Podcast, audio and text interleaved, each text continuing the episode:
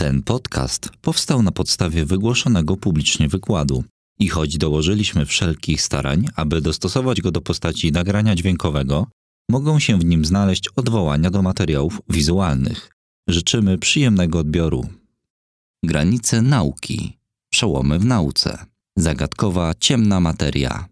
Joanna Jałocha.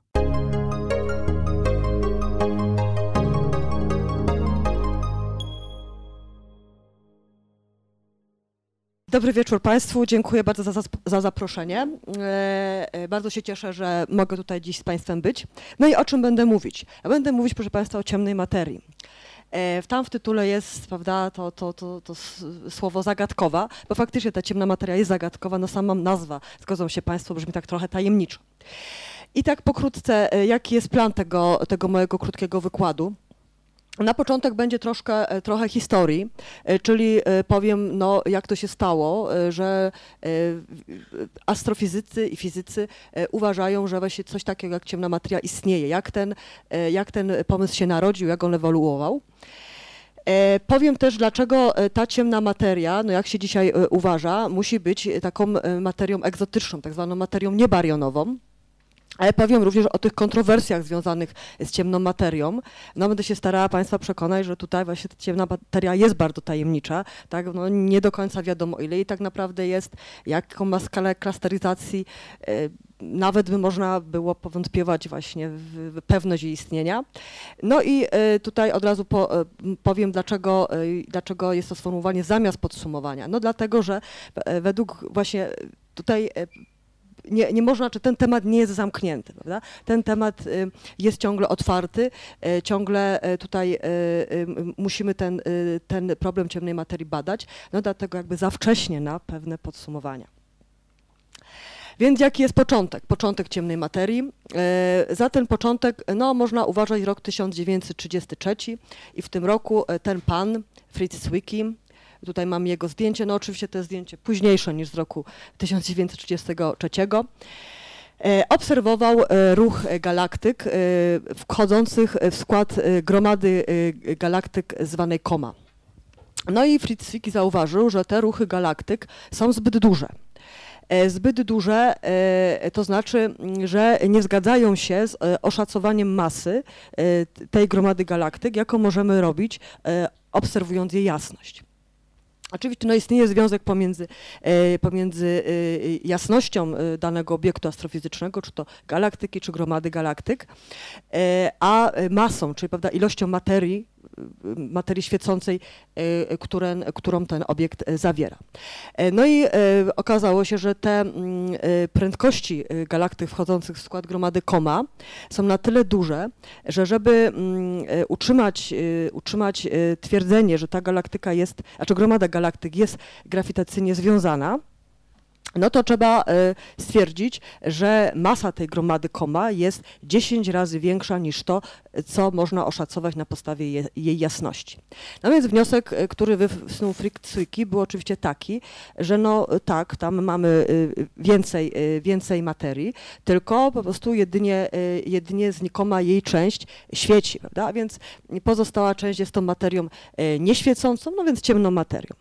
Ale oczywiście w czasach Fica Cwickiego no, nikt nie postulował jeszcze, że ta ciemna materia miałaby być czymś egzotycznym, prawda? czymś e, innym, odmiennym od tej materii, z której e, jesteśmy zbudowani my, czy wszystkie przedmioty, które nas otaczają. Prawda? Po prostu stwierdzono, że jest to, jest to materia nieświecąca, czyli materia, która nie występuje w postaci gwiazd.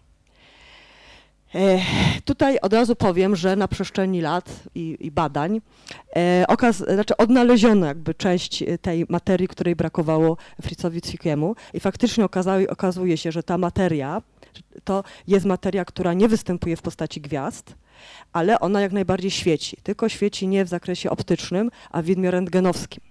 Ponieważ okazało się, mm, że gromady galaktyk, e, jeżeli patrzymy na nie mm, w widmie rentgenowskim, wyglądają, to jest taki obrazek, e, wyglądają, a właściwie nie obrazek, tylko zdjęcie, e, wyglądają zgoła inaczej niż w świetle widzialnym, prawda? W świetle widzialnym gromada galaktyk jest widziana mniej więcej w ten sposób, prawda? Widzimy, widzimy ją jako skupienie pojedynczych galaktyk. Natomiast jeżeli właśnie patrzymy w widmie rentgenowskim, to ta mm, gromada e, galaktyk okazuje się być wypełniona w bardzo taki jednorodny sposób gorącym gazem, który właśnie jest na tyle gorący, że emituje promieniowanie w widmie rentgenowskim, a nie w widmie widzialnym. Ten gaz jest naprawdę ekstremalnie gorący. To jest y, gaz, który ma temperaturę rzędu 100 y, milionów kelwinów, więc to jest naprawdę, są naprawdę ekstremalne, ekstremalne, y, ekstremalne wielkości. Tu mam jeszcze jedno zdjęcie e, i znowu zdjęcie w widmie rentgenowskim z teleskopu Chandra. Znów widzimy to, jednorodne wypełnienie tej przestrzeni między galaktykami e, tym gorącym gazem, no a w, w widmie optycznym oczywiście ten obraz się zmienia. W związku z czym znaleziono jakby część tej materii, e, o, której, o którą chodziło Fritzowi Zwickiemu, ale jakby ten problem brakującej materii został utrzymany, ponieważ e, okazuje się, że mm, ilości gazu, tego gorącego gazu rentgenowskiego, promieniującego rentgenowsko, no, pozwalają zredukować ten, ten czynnik, e, ten czynnik rozbieżności do 5. Da? Było 10, zmalało nam o połowę do 5, ale cały czas jeszcze brakuje, brakuje tej, e, tej, e, tej materii w gromadach galaktyk. Kolejny ważny argument za obecnością w gromadach galaktyk czegoś, prawda, czegoś ciemnego. I teraz, prawda, już wiemy, że szukamy, szukamy materii, która nie tylko E, nie, jest, nie występuje w postaci gwiazd, prawda? ale szukamy czegoś, co naprawdę nie promieniuje, również w zakresie rentgenowskim, również w zakresie gamma, prawda? czy na przykład w zakresie podczerwonym. Prawda? Już teraz te metody detekcji się o wiele bardziej rozwinęły, więc szukamy naprawdę czegoś, czegoś bardziej egzotycznego. E, no i tym kolejnym argumentem za obecnością właśnie tej, e, tej ciemnej materii w gromadach galaktyk jest analiza soczewkowania grawitacyjnego. No to pe Państwo pewnie zapewne doskonale wiedzą, że oczywiście e, masa działa, działa na, na światło w ten sposób, że światło jest w pobliżu masy uginane. No i na podstawie analizy właśnie takiego ugięcia, analizy zniekształcenia obrazów możemy y, wysnuć wnioski, gdzie ta, y, gdzie ta grafitująca materia się znajduje i ile jej jest. No i obserwując gromady galaktyk, to są gromady mm, galaktyk z katalogu Abel, jedna o numerze 222, druga o numerze 223, no y, z, z, okazało się, że one są połączone włóknem ciemnej materii. Czyli w, w, tych zakresach, e, w zakresach czy tam widzialnym, czy w zakresie, w zakresie rentgenowskim, czy gamma, by pomiędzy tymi gromadami nic nie widzimy. Natomiast właśnie analiza soczewkowania grawitacyjnego pokazuje, że tam dużo materii jest, prawda? Te gromady są połączone włóknem. No tutaj te obserwacje no, robią prawda, wrażenie, tutaj użyto ponad 40 tysięcy galaktyk jako, jako e, tych galaktyk tła, czyli to są, to są te galaktyki, których m, mm, zniekształcenie ich e, obrazu prawda, poddawano analizie, żeby uzyskać ten wynik. E, I e, ten współczesny jakby obraz wszechświata w dużej, e, w dużej skali, który się wyłania, czyli w skali dużej, czyli właśnie w skali gromad galaktyk, wygląda w ten sposób, że mm, włókna dominują w tej wielkoskalowej strukturze włókna, ale właśnie głównie włókna ciemnej materii. Prawda? Tamta materia barionowa, materia świecąca jest jakby taką, taką posypką, takim, takim prawda, lukrem na torcie. Natomiast te włókna są głównie zbudowane z ciemnej materii. Natomiast na przecięciu tych włókien, a tutaj mam tą taką włóknistą strukturę, na, znajdują, się, znajdują się gromady galaktyk. Natomiast pomiędzy, pomiędzy, pomiędzy tymi włóknami e, znajdują się też pustki. Czyli no tutaj to też jest taka pewna, pewna ciekawostka, e, że ten wszechświat, e, no on mm, owszem na odpowiednio takiej ogromnej skali można by powiedzieć, że jest jednorodny, ale już proszę Państwa się na tej skali, która wydawałaby się jest duża, prawda, czy na skali gromad galaktyk, czy supergromad galaktyk, no jednorodny nie jest, prawda, mamy włókna, mamy, mamy przecięcia tych włókien z dodatkowymi gęszczeniami materii, no i mamy pustki między nimi. To były, proszę Państwa, argumenty za obecnością ciemnej materii na tej skali największej, największej, prawda? na skali galaktyk i gromad galaktyk. Ale okazuje się też, że są bardzo silne argumenty za tym, że również na skali mniejszej, czyli skali, skali związanej z pojedynczymi galaktykami, czy to spiralnymi, czy eliptycznymi, ta ciemna materia również występuje. E, to jest jakby temat taki bardzo mi bliski, ponieważ ja się właśnie zajmuję tą skalą. Ja się zajmuję galaktykami, szczególnie galaktykami spiralnymi, właśnie rozkładem materii w tych galaktykach i wyznaczaniem ich mas. I tutaj taką podstawową wielkością, y, y, która nam bardzo dużo o galaktyce spiralnej jest w stanie powiedzieć, jest tak zwana krzywa rotacji dla galaktyki spiralnej. To jest ten wykres. To jest y, zależność prędkości rotacji galaktyki od y, promienia galaktyki, czyli od odległości od centrum galaktyki. Bo proszę Państwa, no, galaktyka spiralna to jest obiekt, tak? tak jak my go widzimy y, w promieniowaniu, czy to, czy to optycznym, czy w jakimś innym zakresie, to jest obiekt spłaszczony, dyskowy, z pięknymi ramionami spiralnymi. Jest to obiekt, w którym materia rotuje, rotuje wokół centrum galaktyki. I tą rotację my możemy zmierzyć. Możemy ją zmierzyć oczywiście zarówno patrząc na jakąś galaktykę, e, galaktykę zewnętrzną, e, to, jest, to, jest, to są dość proste pomiary, no przynajmniej jeśli chodzi o ich, ich ideę. Tutaj obserwujemy po prostu e, efekt Dopplera. Ale można oczywiście taki pomiar też robić, znajdując się wewnątrz galaktyki, czyli wyznaczyć, wyznaczyć krzywą rotacji w naszej galaktyce dla drogi mlecznej. E, no i proszę Państwa, tutaj ta krzywa rotacji jest jakby kopalnią, kopalnią informacji właśnie o masie galaktyki i o rozkładzie tej masy. No ponieważ oczywiście, jak Państwo się pewnie intuicyjnie czują, im masywniejsza będzie galaktyka, tym ta prędkość rotacji powinna być wyższa. E, no i jeszcze kolejne takie oczekiwania, które były związane z krzywymi rotacji, no są związane z ich kształtem. No bo proszę Państwa, jak my patrzymy właśnie na galaktykę, zwłaszcza w tym, w tym, w tym, e, w tym widmie optycznym, to my widzimy, że dominuje zdecydowanie jasności, dominuje, dominują centralne obszary tej galaktyki. Czyli intuicja była taka, aha, tam jest najjaśniej, czyli będzie najwięcej materii, a więc w związku z tym mm, ta krzywa rotacji powinna być tak zwaną krzywą keplerowską, czyli ona powinna opadać jak 1 przez r kwadrat. Czyli po prostu powinna opadać tak, jakbyśmy się znajdowali już na zewnątrz, na zewnątrz y, y, tego źródła potencjału grawitacyjnego. Kolejne, e, kolejne e, oczekiwania, które jakby były związane z galaktykami spiralnymi, to jest zachowanie tak zwanego stosunku masa-jasność do, dla galaktyk spiralnych. No jasność to jest oczywiście coś, co mierzymy, z obserwacji, no a masę właśnie możemy wyznaczyć. Możemy wyznaczyć choćby na podstawie tej, znaczy głównie na podstawie właśnie tej krzywej rotacji. I teraz tak, pierwsze oczekiwania to ten stosunek masa-jasność. Jeżeli masę wyrazimy w masach Słońca i jasność wyrazimy w jasnościach Słońca, powinien być niezbyt duży. Powinien być tak mniej więcej rzędu 1. I skąd się biorą takie oczekiwania? No stąd proszę Państwa, że no, dla Słońca jest 1. Prawda? Słońce jest taką bardzo typową gwiazdą, i to zakłada się, że większość gwiazd w galaktyce jest właśnie podobna, podobna do Słońca. I y, dlatego ten stosunek masa-jasność dla takiej typowej galaktyki spiralnej powinien być właśnie rzędu, rzędu jedności. Oczywiście to może być dwa, to może być, to może być trzy, to może być pięć, tu nie ma problemu. W momencie, kiedy to jest dziesięć, czy 15, to, czy 20, to już ten problem jest, prawda? To jest dziwne. Dodatkowo e, astronomowie też oczekiwali, że ten stosunek masa-jasność powinien mieć konkretne zachowanie, że on powinien z e, promieniem raczej opadać. I skąd to się bierze? Więc znowu stąd, że kiedy obserwujemy galaktyki, to widzimy, że te gwiazdy o masach e, mniejszych od masy Słońca znajdują się raczej w tej części centralnej galaktyki. W ramionach, ramiona spiralne z kolei to są takie miejsca, gdzie bardzo intensywnie rodzą się nowe gwiazdy i to gwiazdy o o dużych masach, które żyją krótko i intensywnie. One mają jasność bardzo, y, bardzo dużą, o wiele, o wiele większą od jasności Słońca. Da? I stąd tutaj jest to oczekiwanie, że ten, ten stosunek y, masa, y, masa jasność masa jasność powinien, powinien z promieniem opadać. No natomiast co wychodzi, co wychodzi, że tak powiem, z obserwacji? Więc proszę Państwa, w roku 1970 pani Rubin i, i Ford pani Rubin to jest, jest przedstawiona na tym zdjęciu. Ona zmarła bodajże w rok temu, mniej więcej rok temu.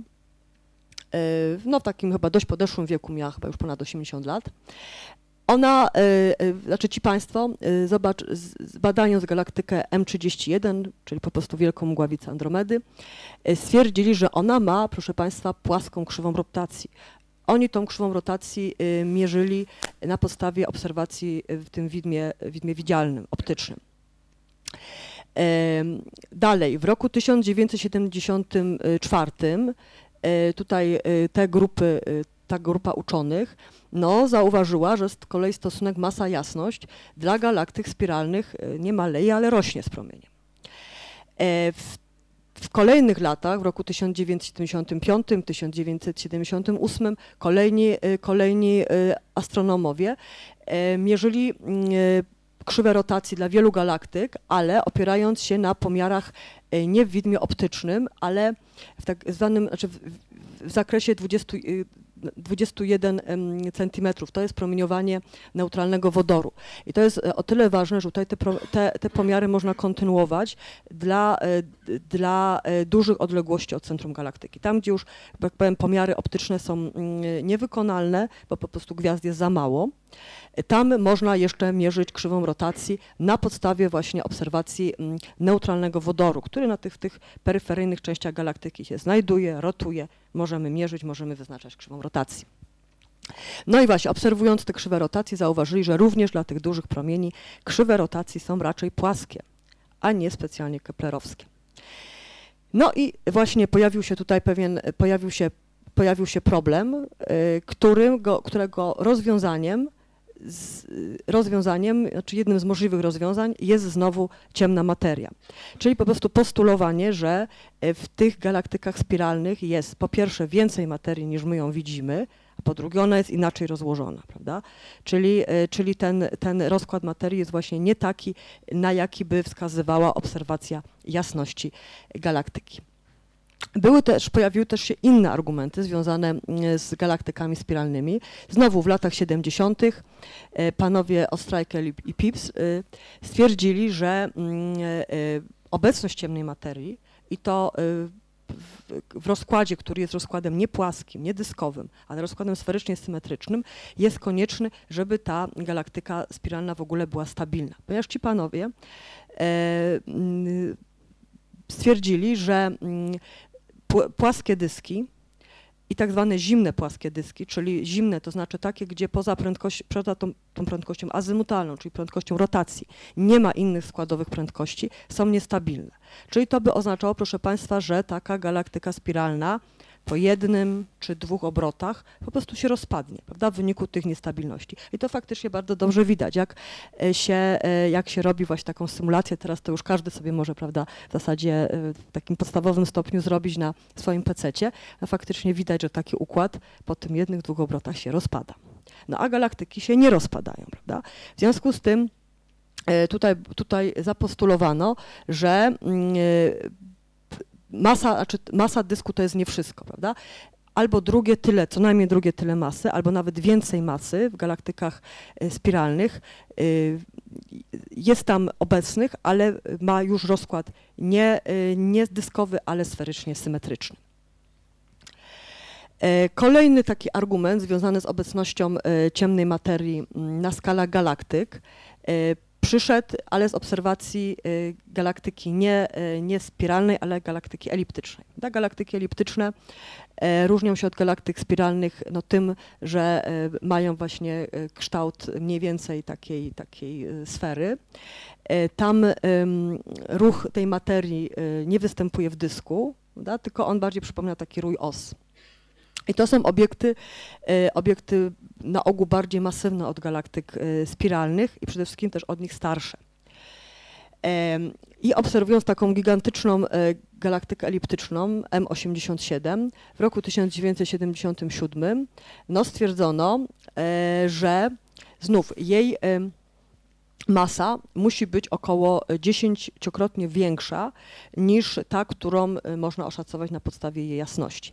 I dlaczego tak musi być? Ano dlatego, że zaobserwowano, że znów tą galaktykę otacza ogromna ilość gorącego gazu, gorącego y, tak bardzo, że prędkości kinetyczne tych cząstek są na tyle duże, że ten gaz po prostu powinien uciec, uciec z tej galaktyki do przestrzeni międzygalaktycznej, gdyby faktycznie masa tej galaktyki była, mm, była taka, na ile wskazuje jej jasność. Da? Jeżeli ten gaz nie ucieka, jest związany z tą galaktyką, no to ta masa musi być większa.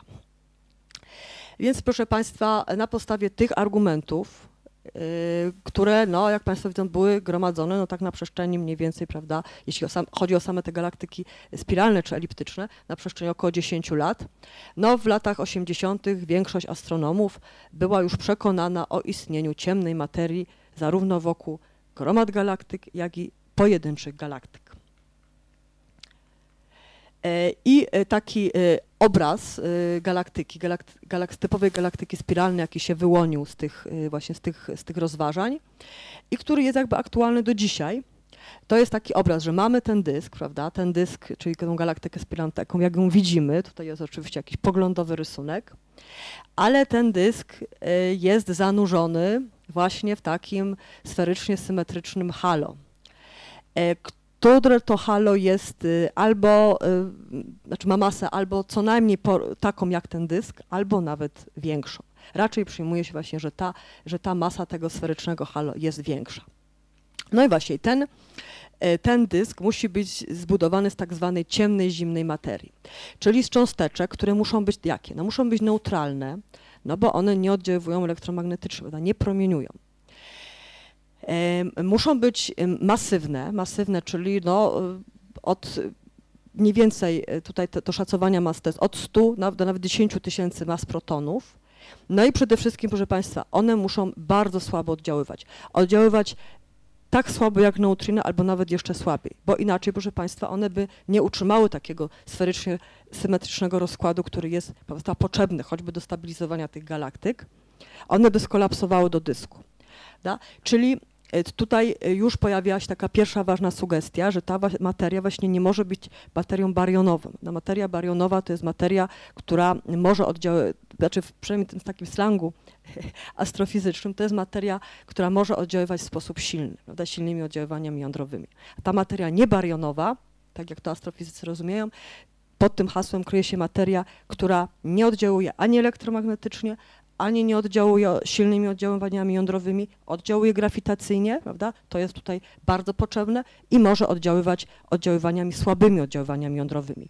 Tutaj nawet wręcz można by powiedzieć, że te słabe oddziaływania jądrowe są e, i astrofizykom, i fizykom bardzo, bardzo potrzebne, bo gdyby się tak okazało na przykład złośliwie, że ta ciemna materia oddziałuje tylko grawitacyjnie, no to jest to tak bezpośrednia detekcja no, jest praktycznie niemożliwa ale jeżeli, jeżeli są choćby te słabe oddziaływania jądrowe, to detekcja jest możliwa, tak jak wykry, wykryto neutrina.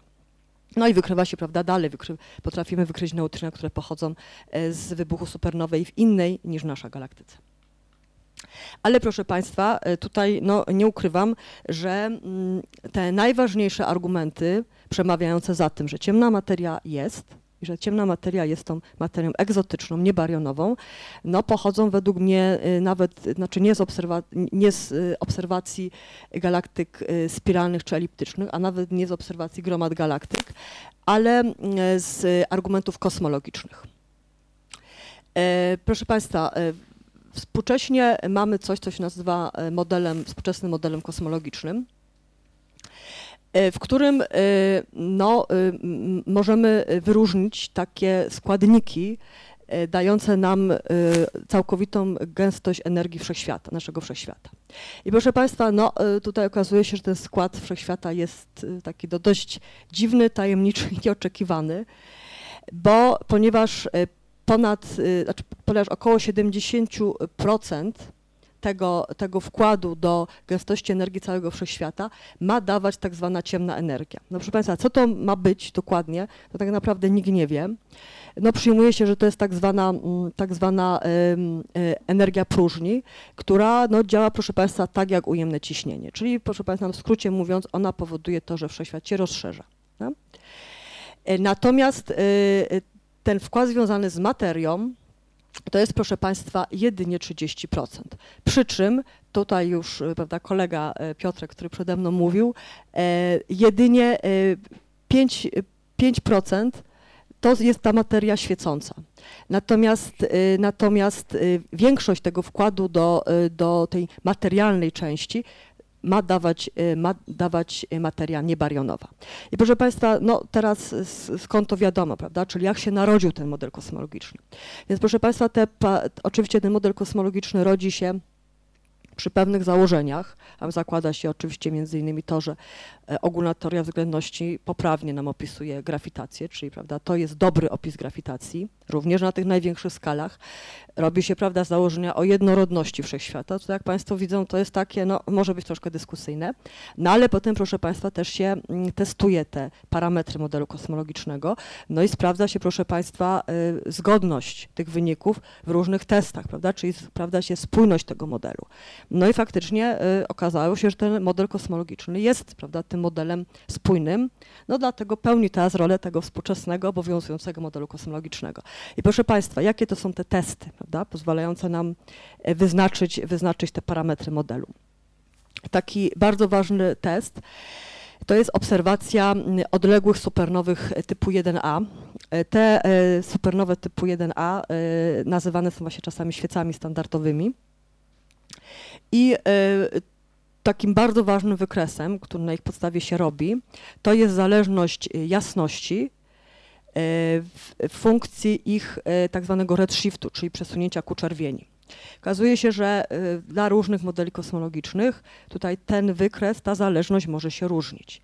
No i właśnie e, uzyskując, uzys znaczy porównując te teoretyczne oczekiwania z tym, co naprawdę widać, obserwując te odległe supernowe, właśnie można wyznaczyć te, te składniki, tej te składniki gęstości energii wszechświata. Prawda? I stąd między innymi właśnie wiadomo, że tutaj mm, ten wszechświat jest płaski i że tutaj y, potrzebujemy, potrzebujemy tak dużo tej ciemnej energii. Kolejny, proszę Państwa, taki, taki poligon, na którym można się testować model kosmologiczny, to jest obserwacja mm, tak zwanego promieniowania tła. Promieniowanie tła to też jest pewnie coś, o czym Państwo wielokrotnie słyszeli, bardzo taka też y, ważne, ważne pojęcie. Promieniowanie tła, to są, promieniowanie tła to są, proszę Państwa, fotony, współcześnie o temperaturze bardzo niskiej, rzędu 3 kelwinów. I to są fotony, które kiedyś oddziaływały z materią, ale kiedy wszechświat miał około 300 tysięcy lat, to ostygł na tyle, że te fotony z materią przestały oddziaływać. I od tego momentu podróżują już sobie przez wszechświat swobodnie, prawda, nie oddziałując z materią. I co jest bardzo ważne, e, te, znaczy w obrazie tych fotonów, czyli w obrazie tego promieniowania tła, odcisnął się obraz materii, jaki był właśnie wtedy, kiedy wszechświat miał 300 tysięcy lat. I proszę Państwa, e, no, e, to promieniowanie tła jest, ono jest bardzo jednorodne, ale w 1992 roku satelita COBE odkrył fluktuację promieniowania tła, czyli zauważono, że y, pomimo tej jednorodności jednak jakieś wahania temperatury w tym, w tym promieniowaniu tła są. Prawda? E, w, latach, w latach 2003-2008 dalsze obserwacje e, promieniowania tła no, pozwoliły, pozwoliły potwierdzić, że te fluktuacje są, pozwoliły je dokładnie zmierzyć i przeanalizować. No i tutaj, proszę Państwa, mm, mm, proszę, proszę Państwa, pojawiła, oj, przeskoczyłam za bardzo, pojawił się e, pewien problem, bo tak, no, proszę Państwa, tak jak mówiłam, to promieniowanie, promieniowanie mm, tła jest bardzo jednorodne i te niejednorodności, proszę Państwa, są na poziomie na poziomie 1 tysięcznej procenta. Czyli proszę Państwa, co to oznacza? No to oznacza, że mm, również te, te niejednorodności materii, prawda, w momencie, kiedy wszechświat miał te 300 tysięcy lat, też musiały być na tym poziomie. Ale proszę Państwa, teraz te niejednorodności są dużo większe. I okazuje się, że po prostu są za duże. E, te niejednorodności po prostu nie zdążyłyby narosnąć do takiego poziomu. I tutaj znowu pojawia się, pojawia się jako rozwiązanie właśnie ta, ta ciemna materia, czyli ten pomysł, że ten jakby jest, jakby te składniki tej, tej, tej części, tej części gęstości, gęstości energii wszechświata związanej z materią, no właśnie wyglądają w ten sposób, że większość jest niebarionowa. Proszę Państwa, no bo o co tutaj chodzi? E, tutaj pomysł jest taki, że te fluktuacje, które są za małe i które, e, które widać w promieniowaniu mikrofalowym, to są fluktuacje związane z materią materią barionową, czyli tą materią, która z tymi fotonami była w stanie oddziaływać, prawda? Bo tylko, tylko te fluktuacje w tej części barionowej wszechświata odcisnęły się w tym promieniowaniu tła. Natomiast, proszę Państwa, no jeżeli by faktycznie były jakieś fluktuacje w materii niebarionowej, nieoddziałujące elektromagnetycznie, to faktycznie one się w tym promieniowaniu, one w tym promieniowaniu promieniowaniu mikrofalowym nie mają prawa być widoczne.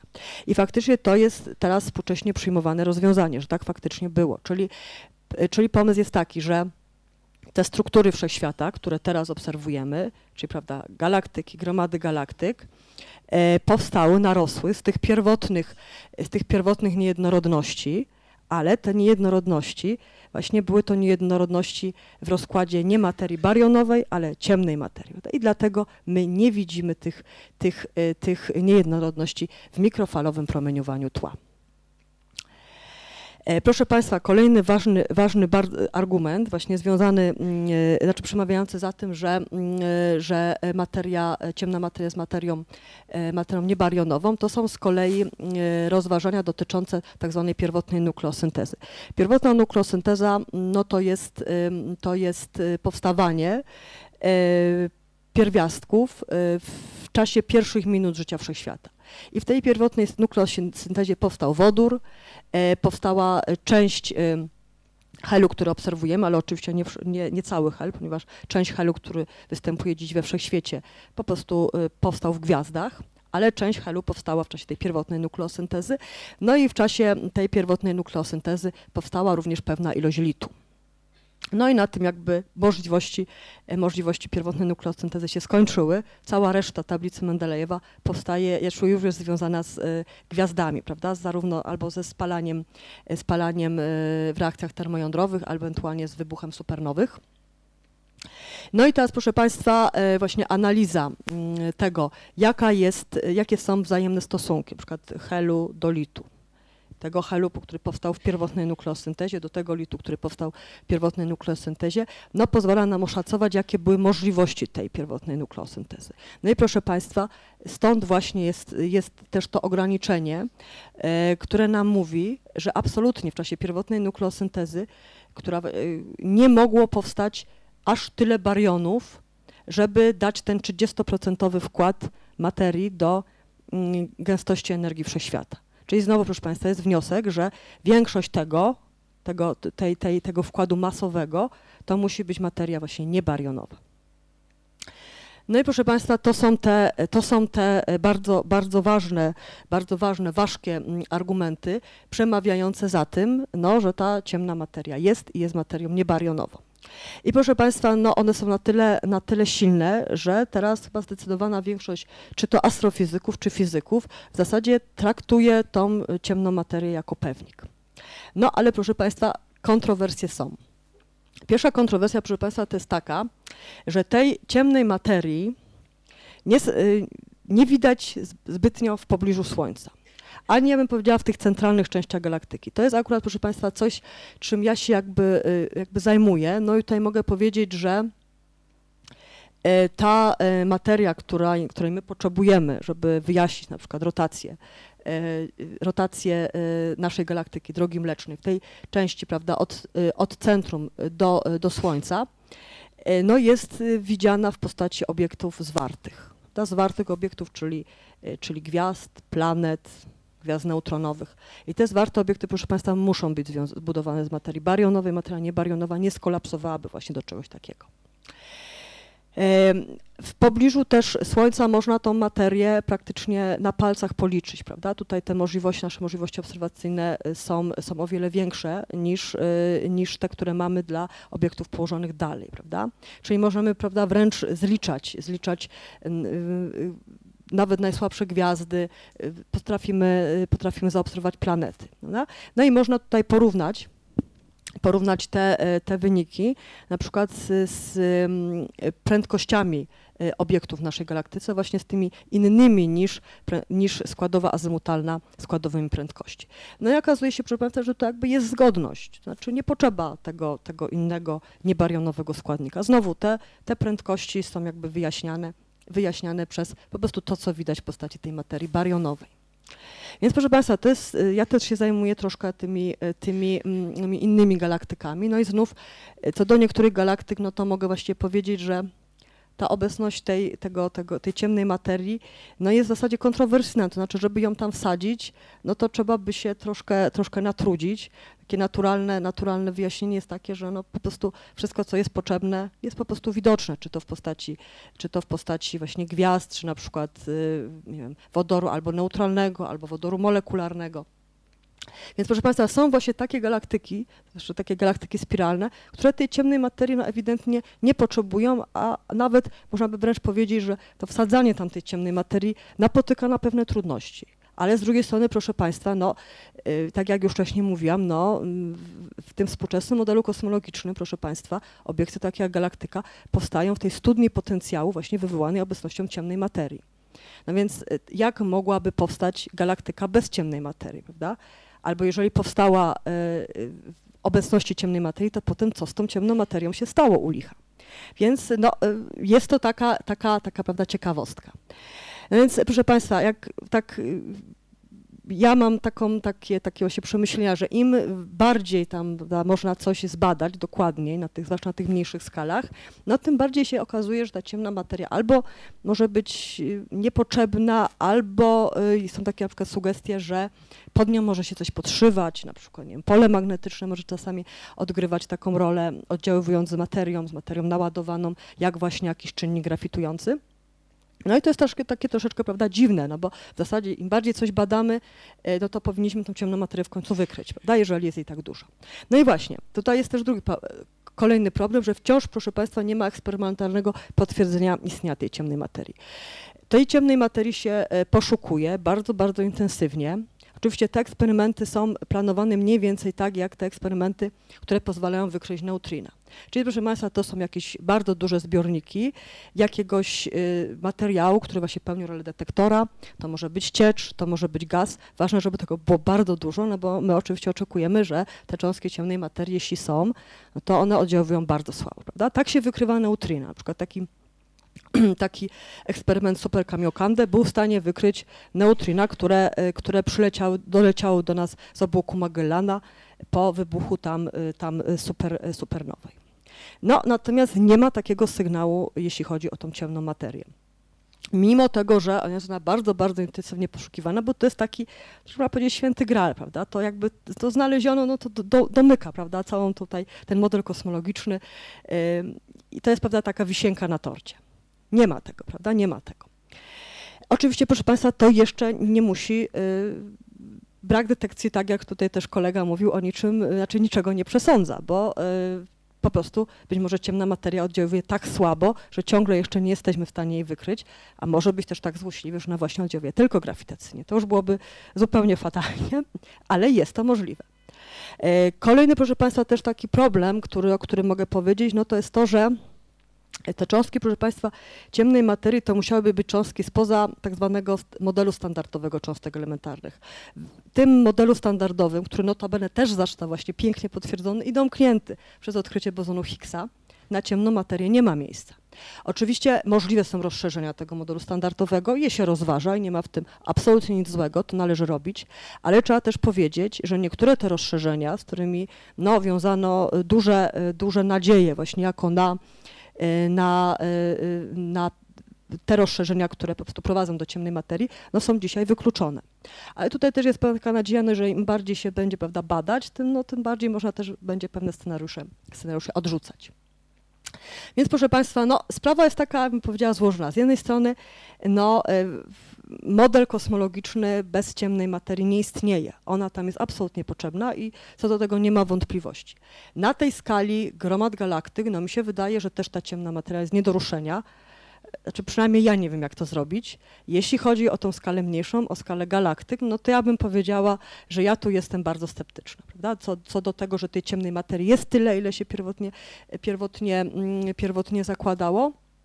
Ale muszę też Państwu powiedzieć, że właśnie część tych problemów, o których tam mówiłam, czyli problemy z krzywymi rotacja, rotacji, z tym stosunkiem masa-jasność, one się okazało, okazały takimi problemami troszkę pozornymi, ponieważ właśnie mniej naiwne modele galaktyk, mniej naiwne rozkłady właśnie materii e, na dysku pozwalają mi po prostu wyeliminować bez ciemnej materii. Więc proszę Państwa, no ja bym powiedziała, że jest ciekawie. Jest ciekawie. No i tutaj już prawda, troszeczkę powiedziałam, w tym, tym podsumowaniu omówiłam te punkty.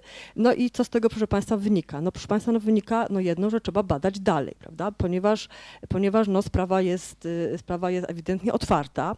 Więc ja uważam tak, że z jednej strony oczywiście trzeba poszukiwać tej ciemnej materii, bo tutaj, proszę Państwa, no bo jak najbardziej, może ona istnieje i wtedy detekcja, prawda, detekcja y, na poziomie takiej pewności, jak choćby bozonu Higgsa, no kończy dyskusję. Jest, koniec, da? badamy jej własności, patrzymy, co to jest.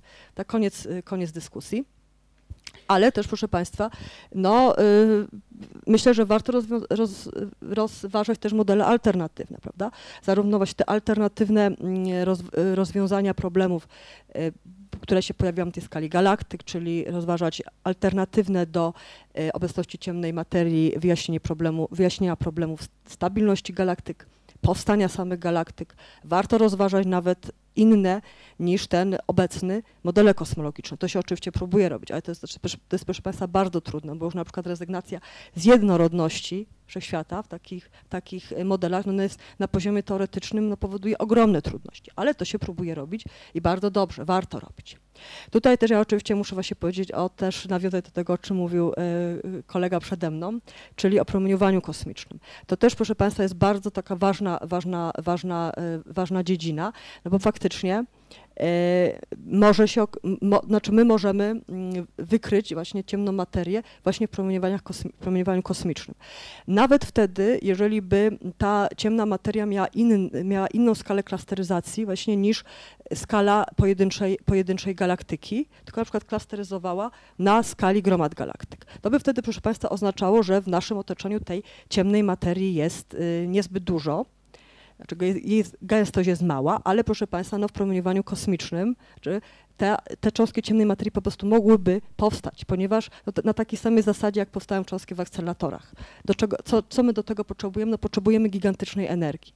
Proszę Państwa, na przykład to, że w akceleratorze do tej pory też nie znaleziono ciemnej materii, można by znaleźć, może być spowodowane jej ogromną masą, prawda? Jeżeli takie cząstki miałyby tą masę rzędu 100 mas protonów, no to nie powinno być problemu, prawda? Takie, takie y, energie są oczywiście w akceleratorach osiągane, ale jeżeli to jest 10 tysięcy albo więcej mas protonu, no to to jest nieosiągalne, ale w, w promieniowaniu kosmicznym jak najbardziej, prawda? W, w kosmosie, we wszechświecie są takie akceleratory, które są w stanie takie energię uzyskać, no i wówczas może faktycznie w tym promieniowaniu kosmicznym mm, te, e, te cząstki mogłyby się znaleźć i być może są one do wykrycia właśnie jako coś dziwnego, prawda, jako jakiś dziwny sygnał, którego nie, nie potrafimy powiązać, powiązać z czymś znanych, z czymś znanym. Więc proszę Państwa, jest ciekawie, jest wiele pytań, warto badać, warto rozważać różne scenariusze, i no, miejmy nadzieję, że te badania doprowadzą w końcu do jakiegoś, do jakiegoś wyniku. No i oby ten wynik był ciekawy. Dziękuję Państwu.